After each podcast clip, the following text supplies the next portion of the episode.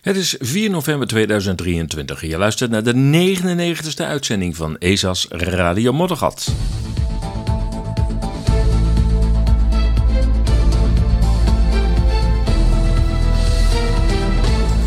Ja, in deze 99ste uitzending. En uh, ja, een makkelijk rekensommetje leert dat dat volgende week dus de honderdste aflevering moet zijn. En dat wordt ook een, uh, een speciale aflevering. Dat kan ik je in ieder geval uh, beloven.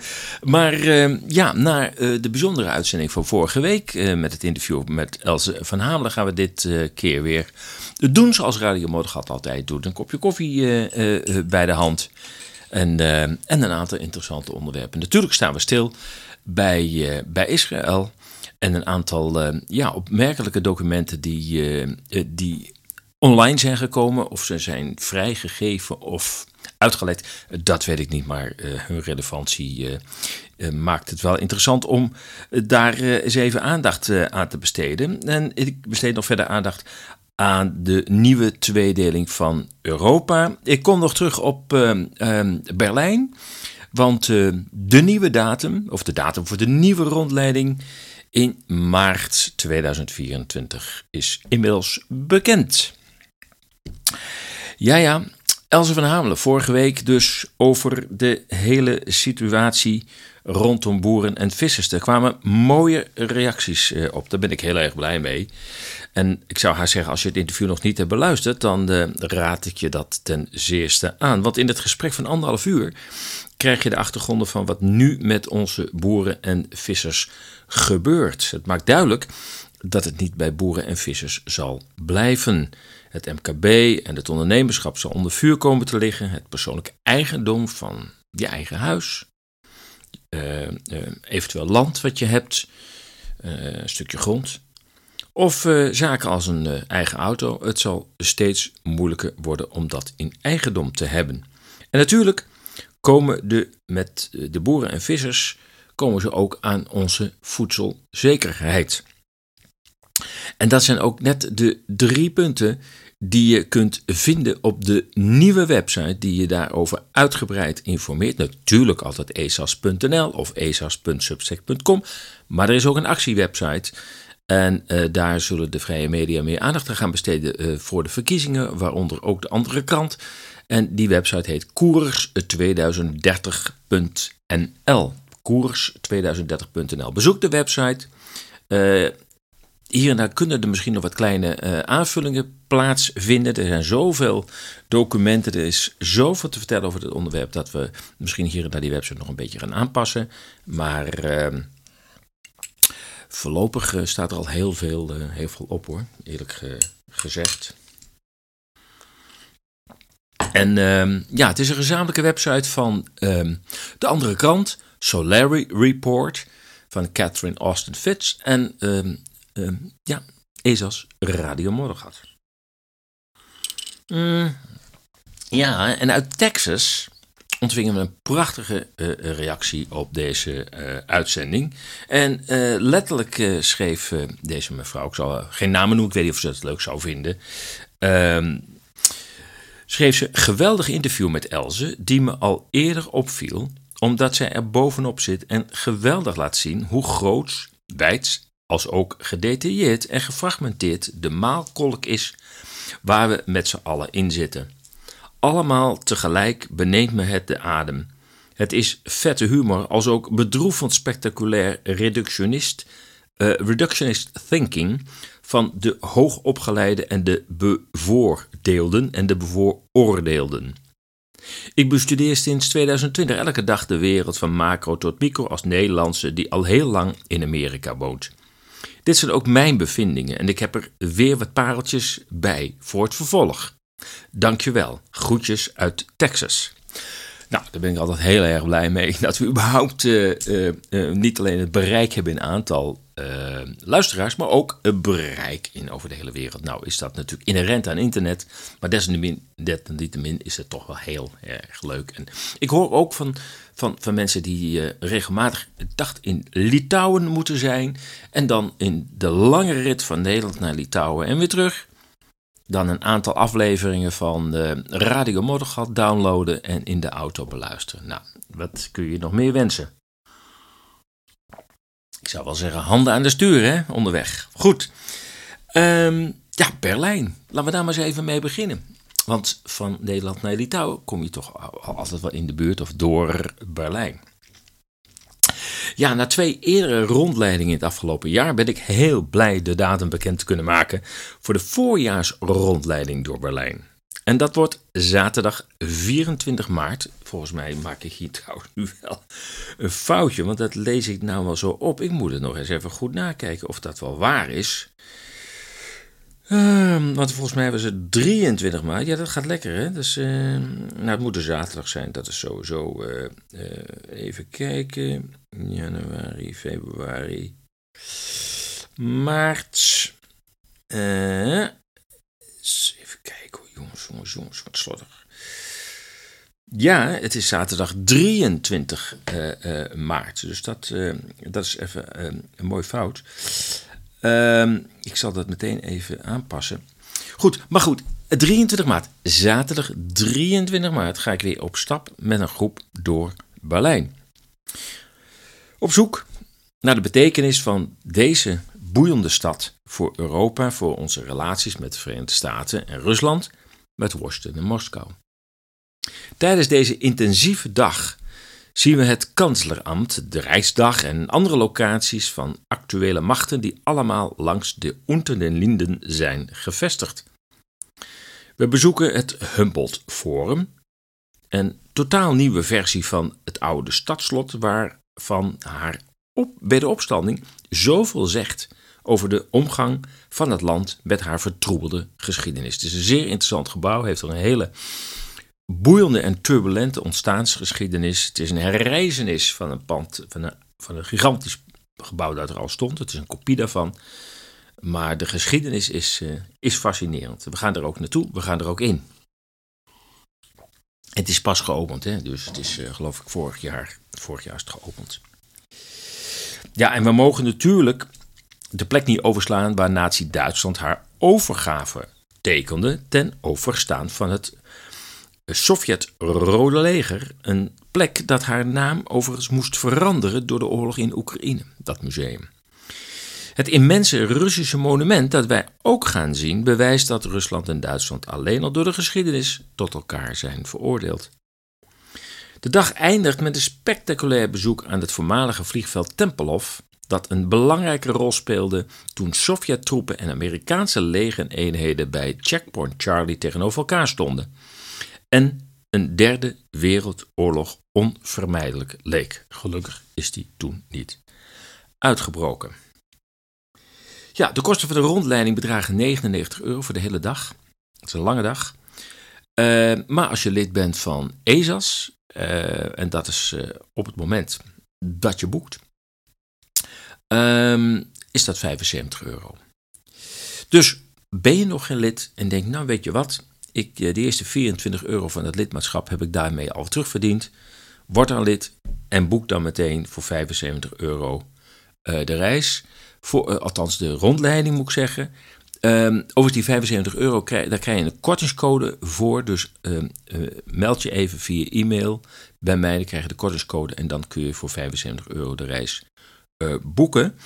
Um, en ja, wie gewoon vroeg boekt, en dat is voor 1 januari aanstaande, die betaalt 85 euro in plaats van 99 euro. Dus tel uit je winst, zou ik zeggen. Nou ja, ik hoop, uh, ik hoop je in maart uh, in Berlijn te kunnen ontmoeten. Het wordt echt wel weer leuk hoor. Ik moet zeggen, de afgelopen twee uh, rondleidingen, dus van dit jaar in maart en in september, waren ook allebei erg geslaagd. en ja, ik weet niet of het geluk uh, altijd met mij is, maar het waren allebei qua weer ideaal. Beide rondleidingen hadden we ideaal weer. De tweede keer in september was het wat warm, zo'n 29, 30 graden. Ehm, en de eerste keer was het zo rond de 25, 24 graden. Nou, hè? Ik teken ervoor, zoals je dat dan zegt. Zo, nou. We gaan naar uh, een heel ander onderwerp. Uh, een onderwerp dat de hele wereld op dit moment bezig houdt. En dat is de situatie in Gaza. De wereld kijkt toe. Dit is oorlog, zei de woordvoerder van het Witte Huis John Kirby. Het zijn gevechten, het is bloederig, lelijk en het zal rommelig zijn en onschuldige burgers zullen gewond raken. Ik wou dat ik iets anders kon vertellen. Ik wou dat het niet zou gebeuren, maar het gaat gebeuren. Dat zegt dus de woordvoerder van het Witte Huis, John Kirby, zei die, dat zei hij onlangs. Ja, eh, hoeveel vergelding is nog proportioneel? Want dat is natuurlijk de vraag waar heel veel mensen uh, mee bezig zijn. Van uh, uh, een reactie van Israël op wat er is gebeurd is begrijpelijk, nog los van de vraag hoe zich dat allemaal heeft afgespeeld en wat Israël in dan de persoon van de premier Netanyahu wel of niet heeft geweten van de acties, voorgenomen acties op 7 oktober van de Hamas-beweging. Dat blijft voorlopig nog even een vraag. Er zijn wel allerlei uitspraken ook over vanuit mensen, door, door mensen vanuit de kibbutz.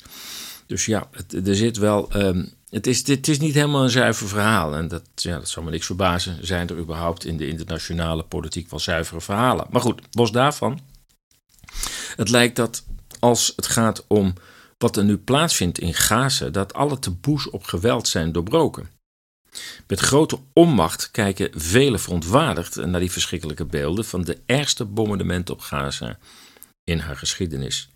Deze beelden volgen op de eveneens verschrikkelijke berichten van wat zich na de inval van Hamas in Israël heeft afgespeeld. In dit eeuwige conflict tussen Israël en de Palestijnen is geen leed genoeg om wat door de ander is aangedaan te vergelden. Het actie-reactiepatroon in dit slepende conflict lijkt geen einde te nemen en het lijkt erop dat bij de huidige situatie alle taboes op proportioneel geweld zijn doorbroken. Het ontstaan van een eigen staat voor Joden is een complex en gevoelig onderwerp. En het is die complexiteit die elke partij in staat stelt zijn eigen vereenvoudigde versie als uitgangspunt voor zijn gelijk te nemen. Toch is het niet zo dat we hier kunnen spreken van twee gelijkwaardige partijen: Palestijnen en Israëli's.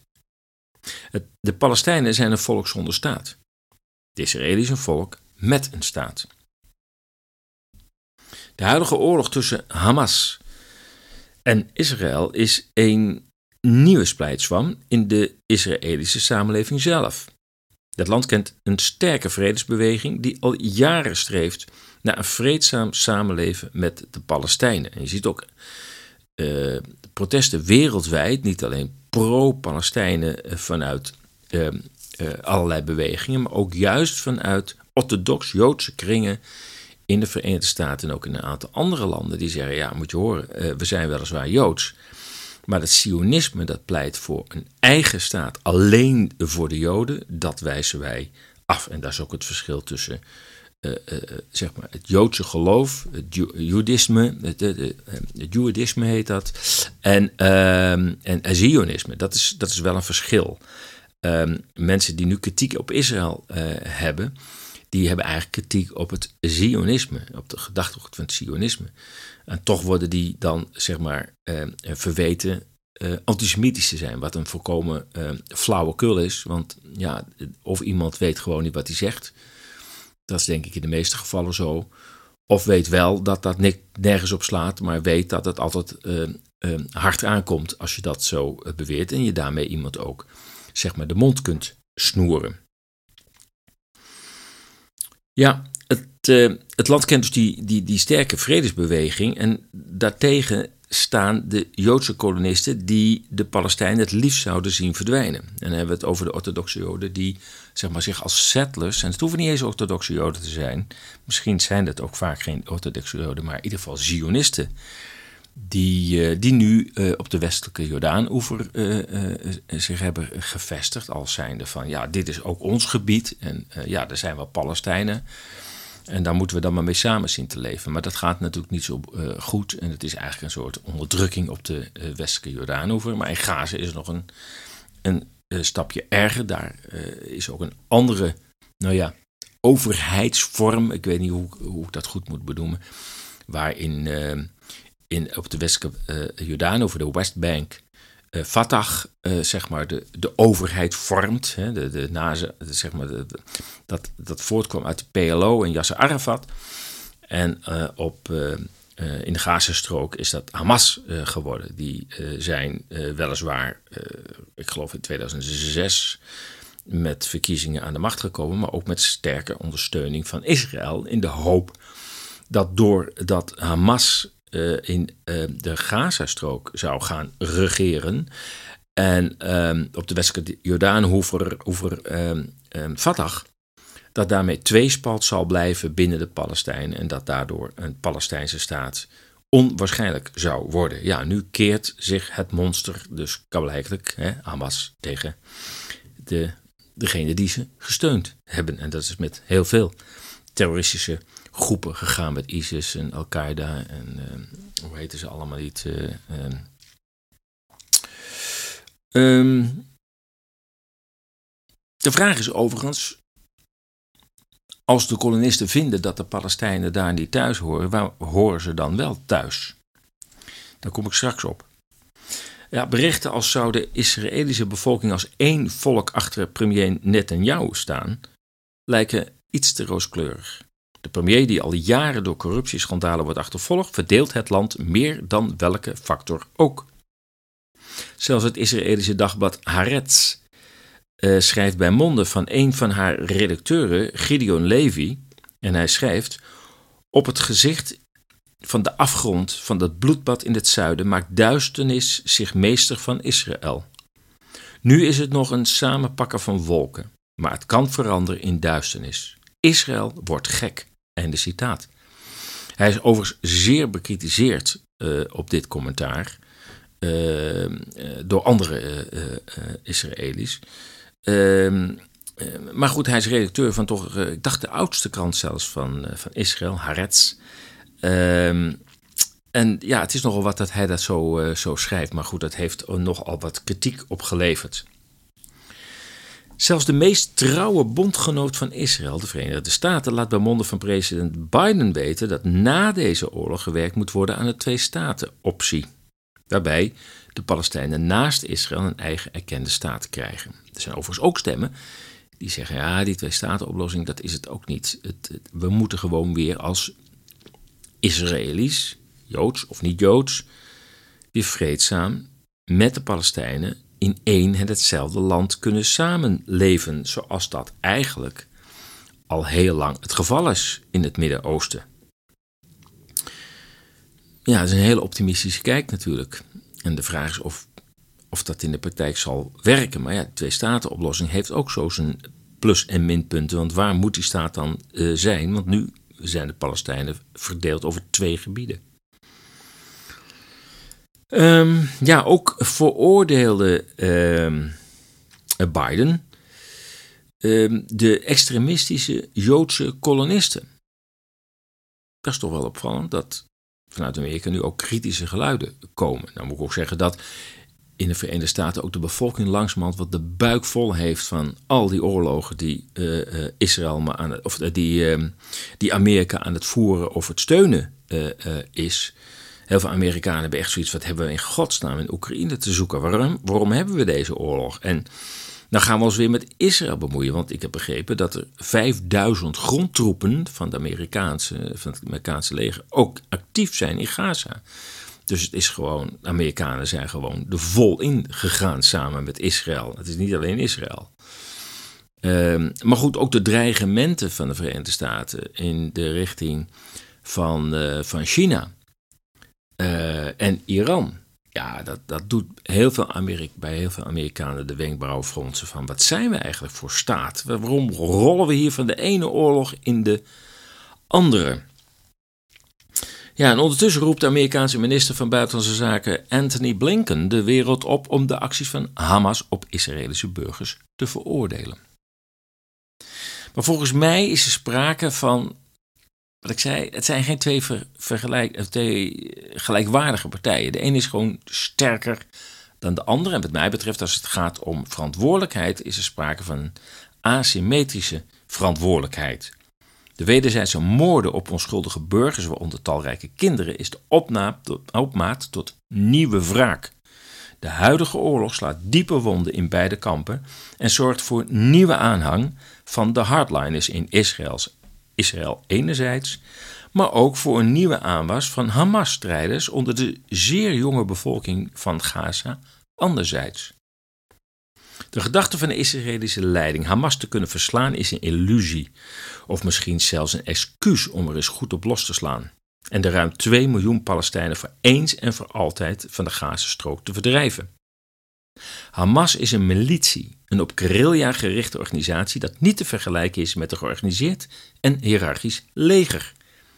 Na een gewonnen veldslag kan met een regulier leger een capitulatie worden getekend met de hoogste in rang.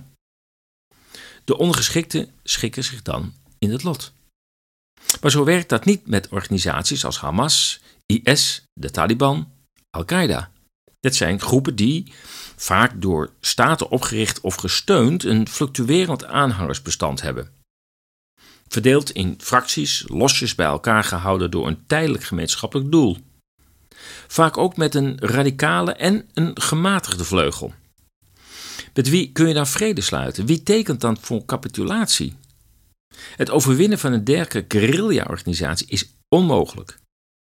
En met een populatie van 50, waarvan 50% jonger is dan 15 jaar, hebben de Palestijnen een oneindig reservoir aan nieuwe Hamas-strijders. Al die jongeren die hun ouders, vrienden of opa's of oma's hebben verloren, zijn gemakkelijk over te halen om in georganiseerd verband wraak te nemen. En daardoor kan Hamas op deze manier ook niet verslagen worden. Israël die stevast op steun van de Verenigde Staten kan rekenen, ofschoon ook daar de sympathie wankelt, heeft een grote verantwoordelijkheid voor de gang van zaken, grotere verantwoordelijkheid van de gang van zaken dan de inwoners van Gaza. Meer macht betekent onvermijdelijk meer verantwoordelijkheid.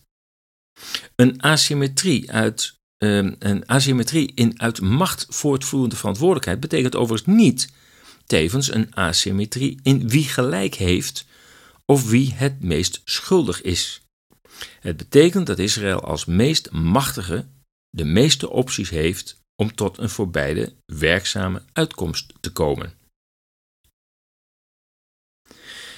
Ja, kom straks, kom, gaan zo direct even over uh, X hebben, Twitter.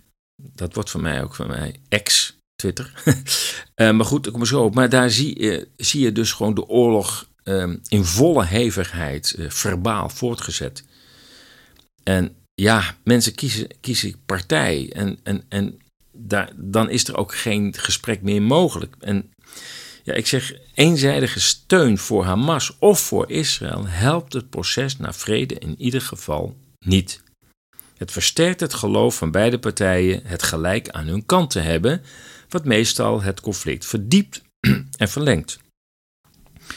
Iedereen kan een rol spelen in de de-escalatie van dit conflict en bijdragen aan een nieuwe beweging richting vreedzaam samenleven in, uh, in het Midden-Oosten.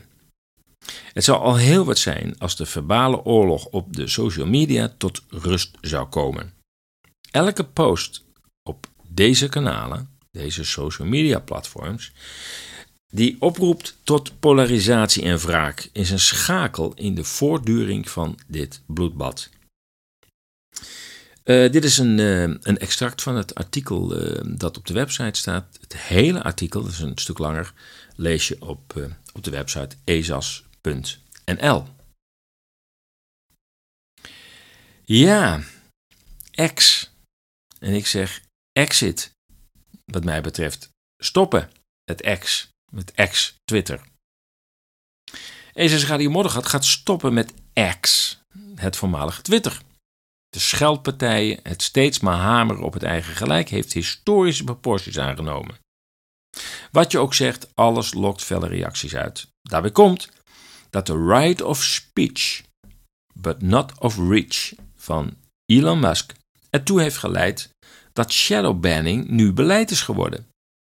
Je kunt van alles roepen op X, maar weinigen zullen het nog in hun timeline vinden. En ik merk dat niet alleen aan mijn eigen kleine accounts, maar ik hoor ook anderen die veel grotere accounts hebben. Dat ze zeggen, ja, ik heb 10.000 volgers en er is gewoon hond die reageert. En dat merken ze sinds een paar weken. Dus ja, er is echt wel iets veranderd. Dus we lopen te roeptoeteren en heel veel mensen zien dat niet eens. Maar goed, tijd om te vertrekken, wat mij betreft. Gelukkig zijn er veel alternatieven om ESA's te blijven volgen. Allerbelangrijkste, vind ik althans, is de nieuwsbrief die niet gecensureerd kan worden.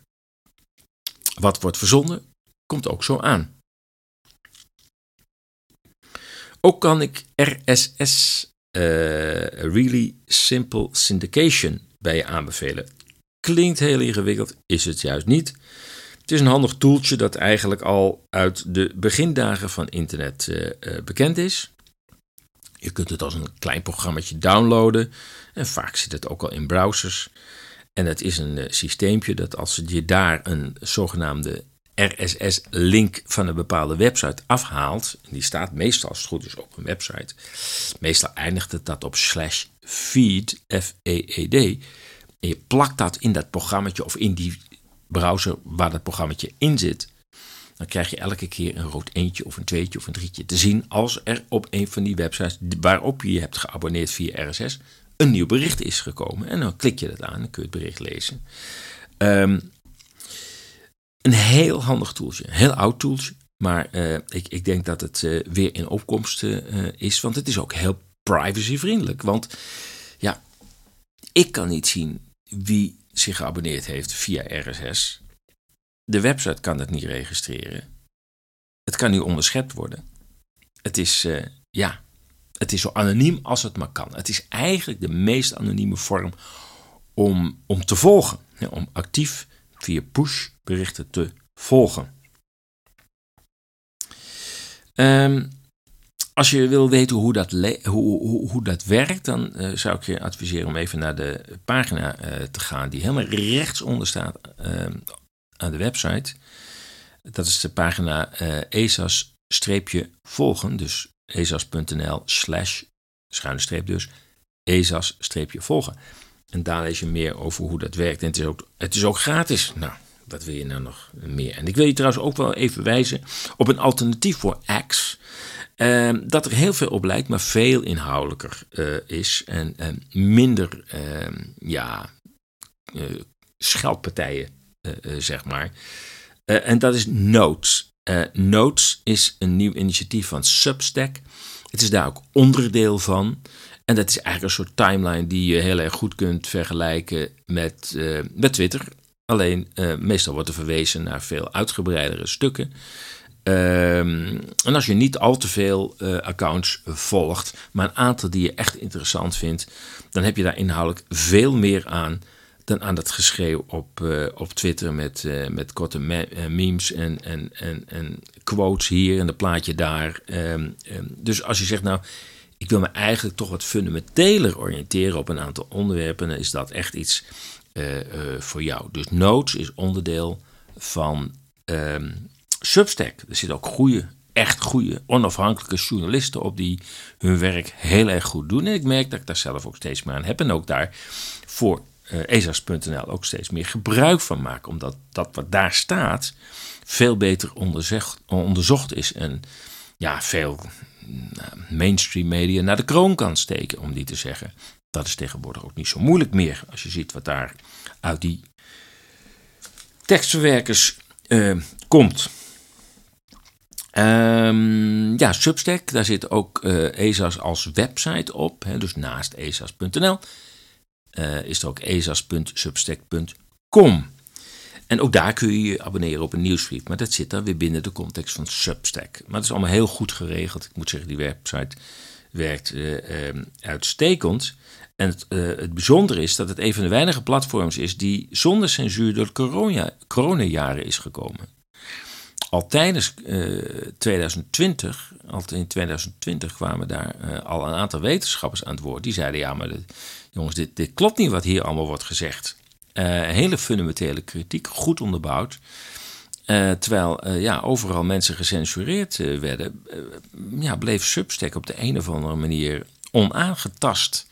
Heel bijzonder, heel bijzonder dat dat is gebeurd. En nog steeds is het een, ja, een van de weinige platforms, denk ik, die niet uh, merkbaar gecensureerd wordt. In ieder geval de eigenaar hebben ook zelf een aantal artikelen geschreven over dit onderwerp. Die zeggen, joh, het, uh, het, is niet aan ons om te censureren. De lezers bepalen wat ze willen lezen en niet. En op de een of andere manier, en hoe dat werkt weet ik niet, zitten daar toch vooral uh, ja, redelijk goede schrijvers en journalisten op. Dat is heel pikant dat het op de een of andere manier ja, toch zo zo werkt. Ik denk dat de schrijvers ook geen zin hebben om een uitgebreid artikel te schrijven. Ik denk dat dat het ook uh, is. En natuurlijk heeft ESA's ook een Telegram-kanaal. Uh, uh, ja, hou er rekening mee dat Telegram natuurlijk niet meer het 100% veilige kanaal is. Maar ja, je moet langzamerhand overal rekening mee houden als het gaat om je uitingen online. Ehm, maar je kunt daar toch redelijk uh, normaal, zeker in het ESA's-kanaal, uh, op een normale manier van gedachten wisselen met anderen. Er wordt niet gescholden, er wordt niet getierd. Geen geweldsfoto's en video's, zoals je de hele tijd op Twitter ziet. of, of X. Um, dus dat maakt het een veel prettiger kanaal. dat is dus op ESA's. En ehm, als je het wil vinden, ga dan even nogmaals naar die pagina waar alle uh, kanalen op staan waar ESAS op te volgen is. esas.nl slash esas-volgen. Dus je kunt uh, buiten X afsluiten, wegwezen. Um, ja, nog een keer terug naar Israël, want dat is natuurlijk een heel belangwekkend uh, onderwerp. Want uh, ja, ik realiseer me dat op het moment dat we hier zitten te praten, de zon schijnt lekker in de studio. Ik zie de gekleurde herfstbladeren. Um, terwijl de dood en verderf wordt gezaaid in, uh, in Gaza. Dat is echt uh, moeilijk om dat uit elkaar te houden, moet je zeggen. Ja, er is een politiek document opgedoken bij een journalist op Substack. Waaruit blijkt dat Israël de verschillende strategieën heeft of, of, of, einddoelen heeft met haar acties in Gaza. Schoon, ik merk dat daar alweer aanpassingen op zijn, maar waarschijnlijk niet op het doel, wel op de tactiek, maar niet op het doel. En dat is namelijk verdrijving van de Palestijnen uit heel Gaza. Optie C heeft voor de Israëlische regering de voorkeur. Letteren schrijft de regering in een strategiedocument van 13 oktober, zes dagen na de aanval van Hamas, dat optie C het alternatief is dat positieve en langdurige strategische resultaten voor Israël zal opleveren. Ook schrijft de regering in dat document dat zij verwacht dat er, en ik citeer letterlijk, binnen korte tijd een interne Israëlische en internationale oproep zal zijn naar een terugtrekking wat een interim situatie betekent die op de lange termijn geen internationale legitimiteit zal krijgen, vergelijkbaar met de situatie van Josh uh, vandaag, alleen erger. Einde citaat. Dat laatste moet ik even toelichten. Ze zeggen in feite, ja, als, als uh, we het einddoel niet hebben gehaald en we zijn daar alleen nog maar als bezettingsmacht uh, in Gaza, terwijl iedereen roept, nou moet je tot een wapenstilstand komen, wat inmiddels al gebeurt. En uh, je moet je misschien zelfs terugtrekken, dan ontstaat er een situatie waarvan zij zeggen: ja, dat is een soort interim situatie waar we niks aan hebben. Die wel constant kritiek oplevert. En die kritiek zal nog zwaarder zijn en erger zijn dan onze, dat op onze, uh, dat, uh, onze nederzettingenpolitiek. En dat heet JOS. Y-J-O-S. ook een stichting, geloof ik. Dus ook een website die daaraan gewijd is. En het gaat over de nederzettingenpolitiek. En die is vooral natuurlijk geldt die in de westelijke Jordaanoever. En daar is ook heel veel kritiek op. Maar men zegt, ja, als we halverwege blijven steken in Gaza eh, als bezettingsmacht, dan krijgen we nog veel meer kritiek. Er wordt druk gespeculeerd over welk doel Israël nu met haar grondoffensief in Gaza wil bereiken. In een oproep liet Israël aan de Palestijnen in Gaza weten dat zij het noorden van het gebied moesten verlaten. Het toch al dichtbevolkte gebied dat volledig ommuurd is, moet dus nu ruim 2 miljoen burgers opvangen in de helft van het gebied dat 360 vierkante kilometers meet. Ja, een document van 13 oktober dat de journalist Dan Cohen van Uncaptured Media op Substack publiceerde, draagt als titel Policy Paper, Options for a Political Directive for the Civilian Population in Gaza. Het document is opgesteld door de Israëlische geheime dienst. En gezien de datum moet het document dus in korte tijd zijn geschreven. Dat kun je ook wel een beetje zien als je het eh, vertaalt, want het staat in het Hebreeuws. En daar ben ik niet zo goed in. Dus dat hebben we moeten vertalen. Maar dan zie je nog dat je denkt, nou, dat is wel heel snel geschreven volgens mij. Maar goed, daarin komen drietal opties aan de, aan de orde die de Israëlische uh, geheime dienst aan de regering voorlegt. Dat is optie A, optie B en optie C. In optie A zou Gaza onder de Palestijnse autoriteit komen te vallen. Dat is het regerend orgaan dat ook op de westelijke Jordaan-oever opereert. Dat is echt maar wat uit uh, uh, Al-Fatah is voortgekomen. Dat heet nu Fatah. en en de PLO moet ik zeggen. En Yasser Arafat. Dat is, dat is zeg maar de erfenis van Yasser Arafat die nu zeg maar op de westelijke Jordaan-oever opereert. En zij zeggen, ja, dat zou een optie kunnen zijn dat die dan toch weer Gaza erbij krijgt. Terwijl Israël dat in het verleden dus juist heeft proberen te voorkomen. Het is de optie die Israël onder leiding van premier Netanyahu bewust heeft getorpedeerd in het verleden door Hamas in Gaza te introduceren en te ondersteunen. Deze tweespal tussen Gaza en de westelijke Jordaanoever, het zijn ook twee losse gebieden waar Israël tussen zit, zou de stichting van de Palestijnse staat blokkeren. Het is dus een theoretische optie, want het document schrijft: dat hebben we al geprobeerd en dat faalde. Einde citaat. Dus optie A wordt het niet. Overigens schrijven de op, uh, opstellers nog verder, uh, heel kort geformuleerd, niet door mij kort geformuleerd, maar zo staat het ook in, de, in, in, de, de, in het Hebreeuws geschreven, geschreven nota. En ik citeer: geprobeerd en mislukt. Er moeten moet worden vermeld dat de opzet om het gebied over te dragen aan de Palestijnse autoriteit en vervolgens de militaire controle op te heffen, dus de huidige uh, bezetting uh, van Gaza, wijst op een diepe Israëlische zwakte die Hezbollah, in het noorden in Libanon, het signaal zal geven dat ze geen echte prijs zullen betalen voor een confrontatie met Israël, aangezien het hoogstens een soort, soortgelijke stap zal zetten als in Libanon in het verleden. Namelijk, daar is Israël uiteindelijk ooit binnengetrokken en heeft zich weer teruggetrokken. En men zegt, ja, als we datzelfde in Gaza gaan doen, dan zijn we toch te zwak. Dan worden we gezien als een zwakke partij. Geprobeerd in 2006, schrijft ze ook nog. En Hamas won toen de verkiezingen, schrijft uh, het rapport of uh, de nota. En nam volgens de, vervolgens de Gazastrook met geweld over. Er is geen rechtvaardiging voor de Israëlische nationale militaire inspanning om Gaza te bezetten als we uiteindelijk dezelfde fout herhalen die strategische implicaties had voor de huidige situatie. En dat is dus inclusief een oorlog met uh, Hamas. Dus ja, die hele optie A, daarvan zeg maar, ja, dat hebben we al geprobeerd. Uh, dat is toen uh, mislukt. En bovendien, als we dat zo gaan aanpakken, dan worden we door Hamas, of nee, door Hezbollah, die door Iran wordt gesteund, vanuit Libanon, noorden van Israël. Uh, ja, dat we dan als, zwak worden gezien en dan krijgen we daar weer problemen mee. Nou ja, die problemen zijn er überhaupt toch, want er is eigenlijk al in, nu oorlog ook gaande tussen het Hamas in het zuiden van Libanon en uh, uh, Israël. Ja, wat het document verzwijgt is natuurlijk de steun die Netanyahu zelf gegeven heeft aan Hamas om die tweespal tussen de westelijke Jordaanoever en de Gazastrook uh, definitief te maken.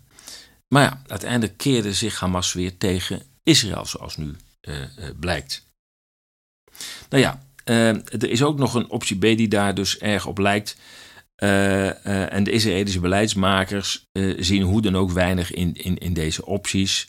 En ze zeggen daar letterlijk over: opties A en B vertonen aanzienlijke tekortkomingen, vooral wat betreft hun strategische implicaties en hun onuitvoerbaarheid op de lange termijn. Beide opties zullen niet het noodzakelijke afschrikwekkende effect hebben en geen mentaliteitsverandering mogelijk maken binnen en binnen een paar jaar kunnen leiden tot dezelfde problemen en bedreigingen waarmee de staat Israël van 2007 tot vandaag werd geconfronteerd. Einde citaat. Overigens die optie B, dat betekende dat men probeerde een Arabisch land verantwoordelijk te maken voor de Gaza-strook. En ik dacht dat men aan de Verenigde Arabische Emiraten uh, dacht, ja, dat is ook inderdaad zo. Uh, optie B, uh, wil men een Arabisch, niet-islamitisch land, die zijn er dus ook, eh, verantwoordelijk maken voor de Gaza-strook. En ja, wat ik dus zeg, de Verenigde Arabische Emiraten eh, wordt dan concreet genoemd in die nota. Maar eh, daarvan zeggen ze ook weer, ja, als permanente oplossing voor dit alternatief is, dat, dat, is het ook niet. Dat is het ook niet. Hè. De vraag is of zo'n land dat wil en of dat ook voor de hele lange termijn houdbaar is, want het grenst ook niet aan de Verenigde Arabische Emiraten. Dus dat, dat is een hele rare constructie. Um, bovendien schatten de opstellers, dus de Israëlische geheime dienst, dat schatten in dat aan het einde van deze oorlog de humanitaire verantwoordelijkheid volledig aan Israël zal worden opgelegd door alles wat tijdens de oorlog heeft plaatsgevonden. Dus met andere woorden, ja, we zijn toch de sjaak als Israël zijnde, uh, met wat we nu aan het doen zijn. De hele gemeenschap zal ons verantwoordelijk houden voor uh, iets van wederopbouw en hulp. De vraag is of dat gaat gebeuren. Want het werd namelijk optie C. Optie C blijkt de voorkeur te hebben. Het wordt een werkbaar alternatief genoemd. En de opstellers realiseren zich echter dat er internationale druk zal ontstaan en dat Israël zich hierop moet voorbereiden om deze te weerstaan en mogelijk deze druk, zoals ze schrijven, te benutten.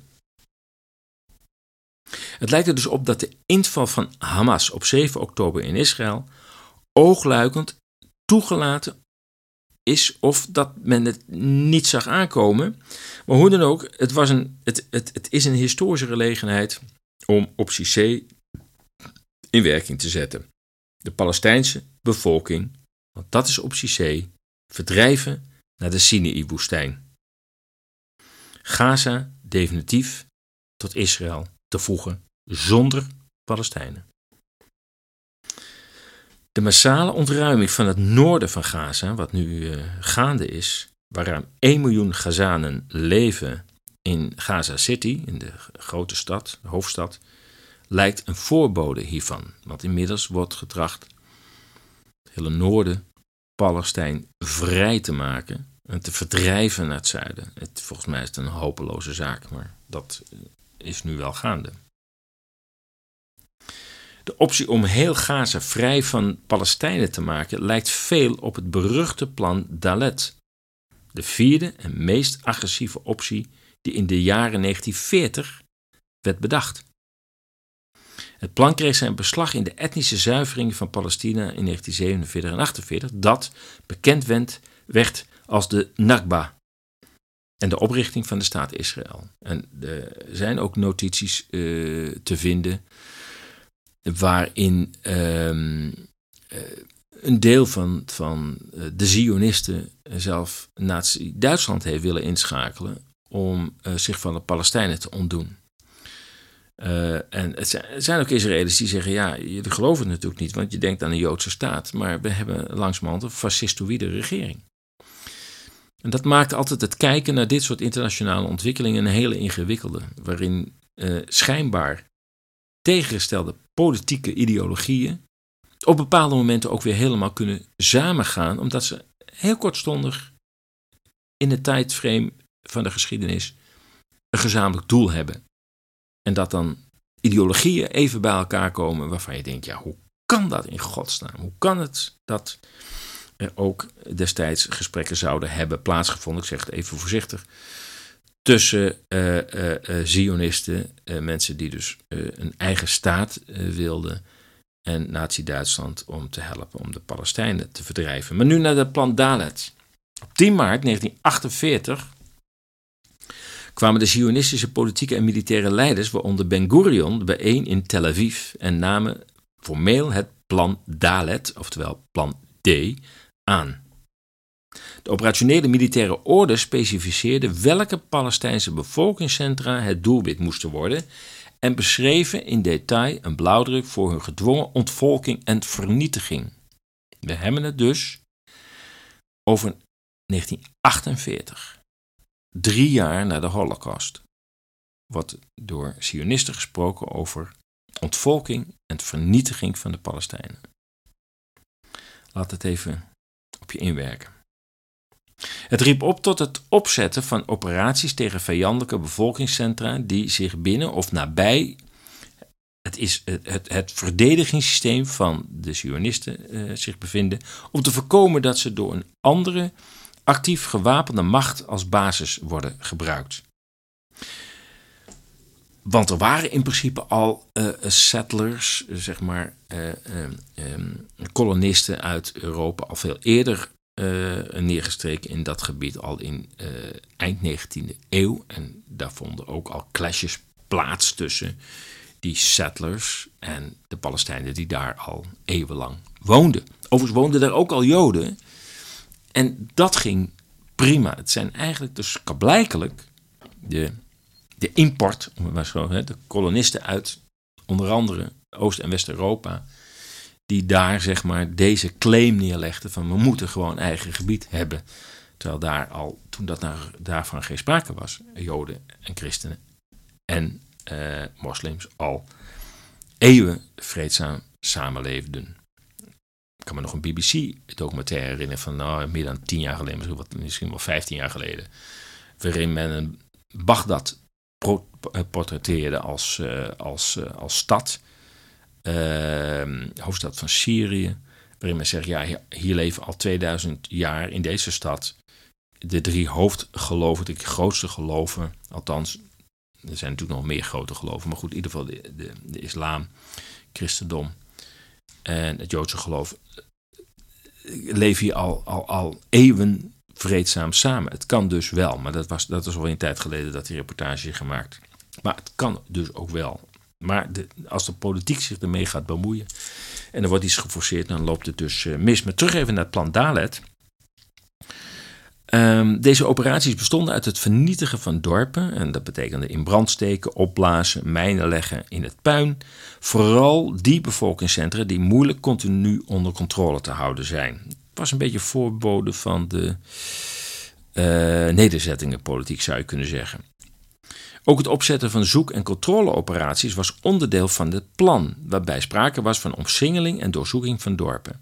In geval van verzet moest de gewapende macht worden vernietigd en de bevolking buiten de staatsgrenzen worden verdreven. Staatsgrenzen, die waren er nog maar net of nog net niet. Het was ook 1948.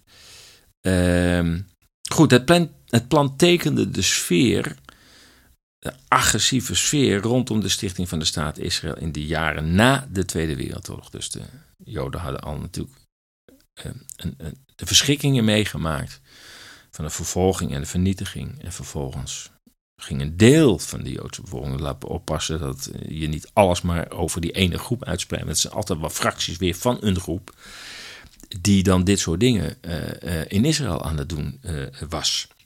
In december 1940 schreef Jozef Weitz, directeur van de landsafdeling van het Joods Nationaal Fonds, die tot taak had land te verwerven voor de Sionistische onderneming in Palestina, die schreef in 1940 in zijn dagboek, en ik citeer: Er is geen andere manier dan de Arabieren van hier naar buurlanden over te brengen en ze allemaal over te brengen, behalve misschien de Arabieren van Bethlehem, Nazareth en Oud-Jeruzalem.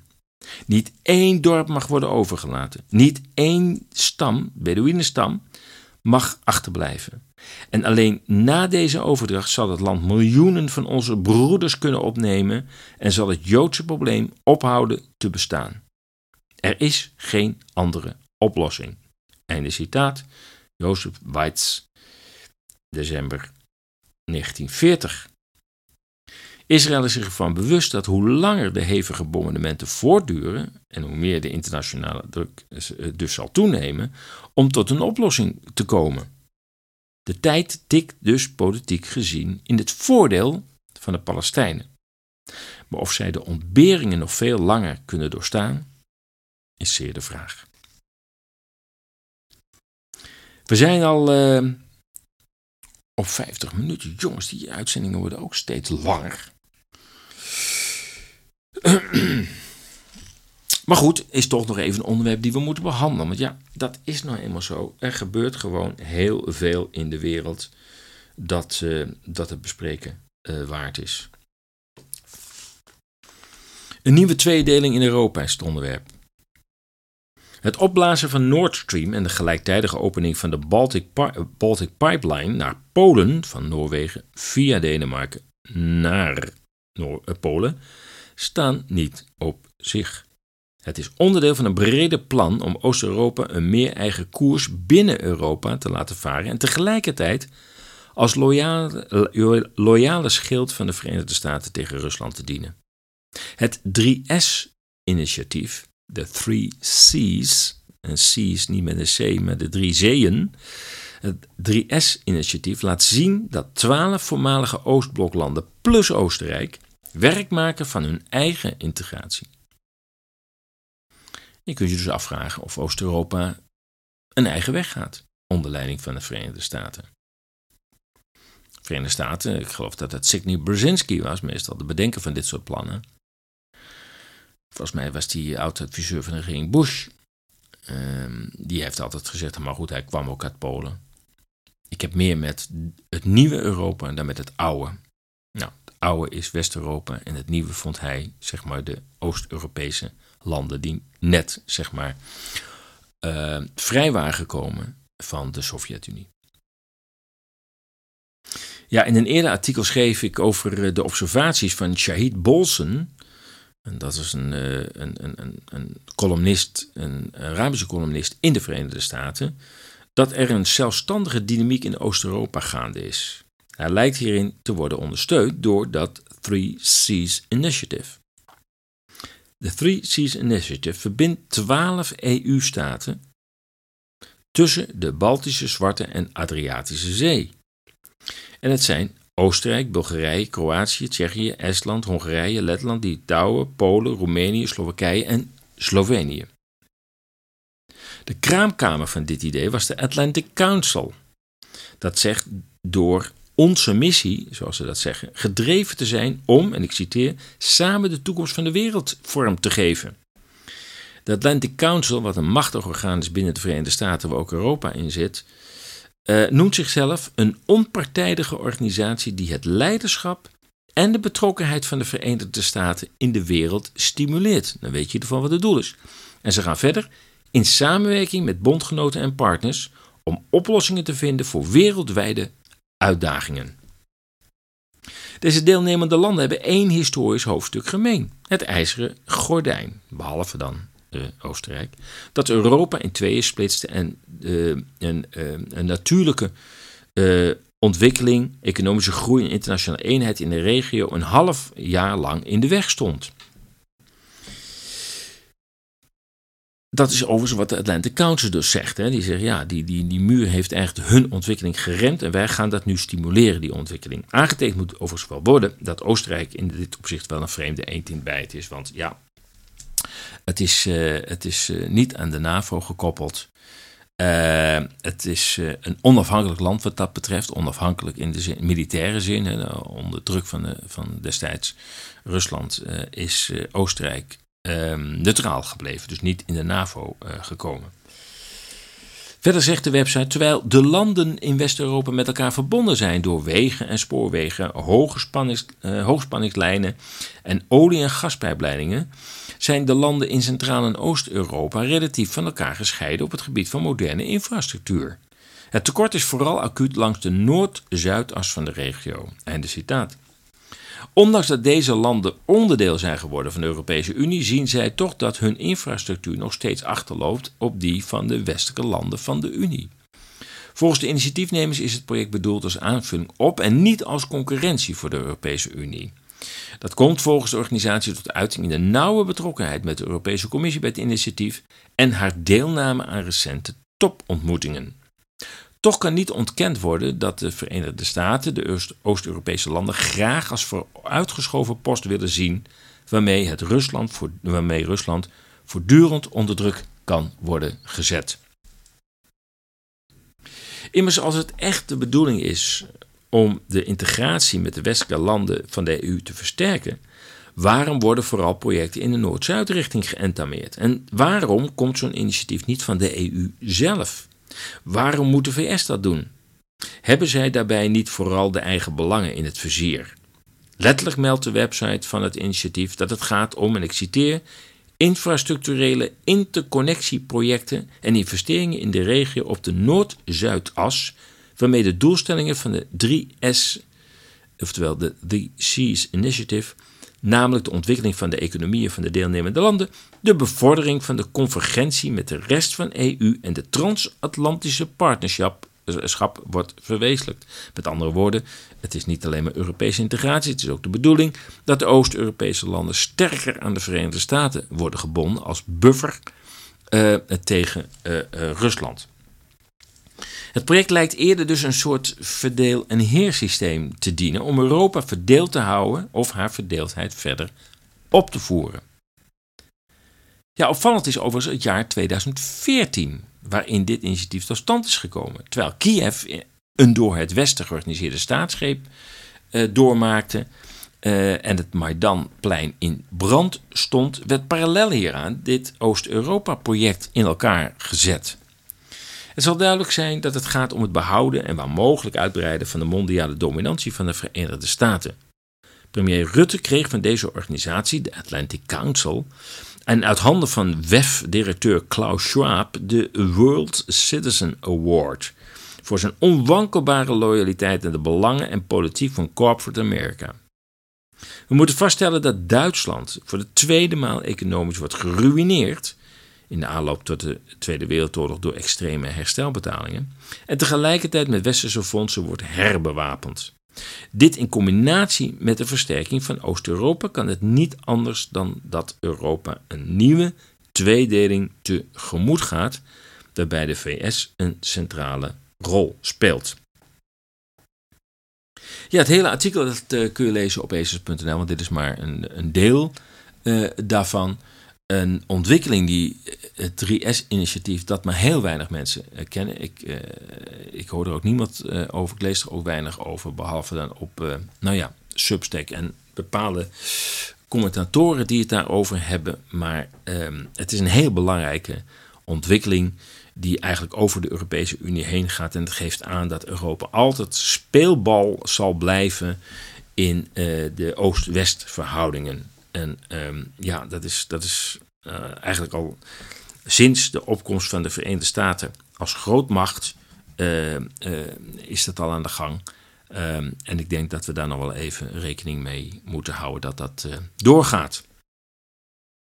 Goed, we zitten al bijna naar, ehm, als ik naar de klok kijk, alweer bijna een uur. Dus het wordt denk ik wel tijd om, om af te ronden. Nou, denk nog even aan Berlijn. Als je het leuk vindt om mee te gaan, meld je aan bij, uh, op de website ezas.nl. Niet op Substack, daar kan het niet, maar wel op ezas.nl. En dan ben je verzekerd van een plaats. Want de groep is gewoon erg klein. Zes tot acht personen. Meer mensen uh, uh, gaan er niet mee. omdat um, A, we heel flexibel zijn met zes tot acht mensen. Als het een keer een regenbuitje valt, kun je met zes tot acht mensen nog wel een uh, niet al te kleine kroeg induiken. Maar als je met 20 mensen bent, dan kan dat gewoon niet zonder reservering. Uh, bovendien kun je meer rekening houden met individuele wensen. Er kunnen leuke gesprekken op gang uh, komen. Dus niet alleen maar luisteren naar die ene gids de hele dag. waardoor je ook op een gegeven moment gaar wordt. Nee, maar gewoon in gesprek gaan we samen deze tocht door Berlijn maken. Oké. Afronding. Je luisterde naar een uitzending van ESA's Radio Moddergat. Als je deze podcast waardevol vond, ondersteun ESA's dan met een donatie, een lidmaatschap of aankoop van een van onze magazines of dossiers. Maak ons bereik groter en deel deze podcast van Radio Moddergat op je social kanalen. Kijk ook even op koers2030.nl overigens. Je kunt ESA's volgen via onze nieuwsbrief, RSS, Telegram en Substack. Kijk voor meer informatie daarover op ezas.nl. Ik wens je een goed weekend. Blijf waakzaam, blijf sterk en geniet van de herfst. Tot volgende week.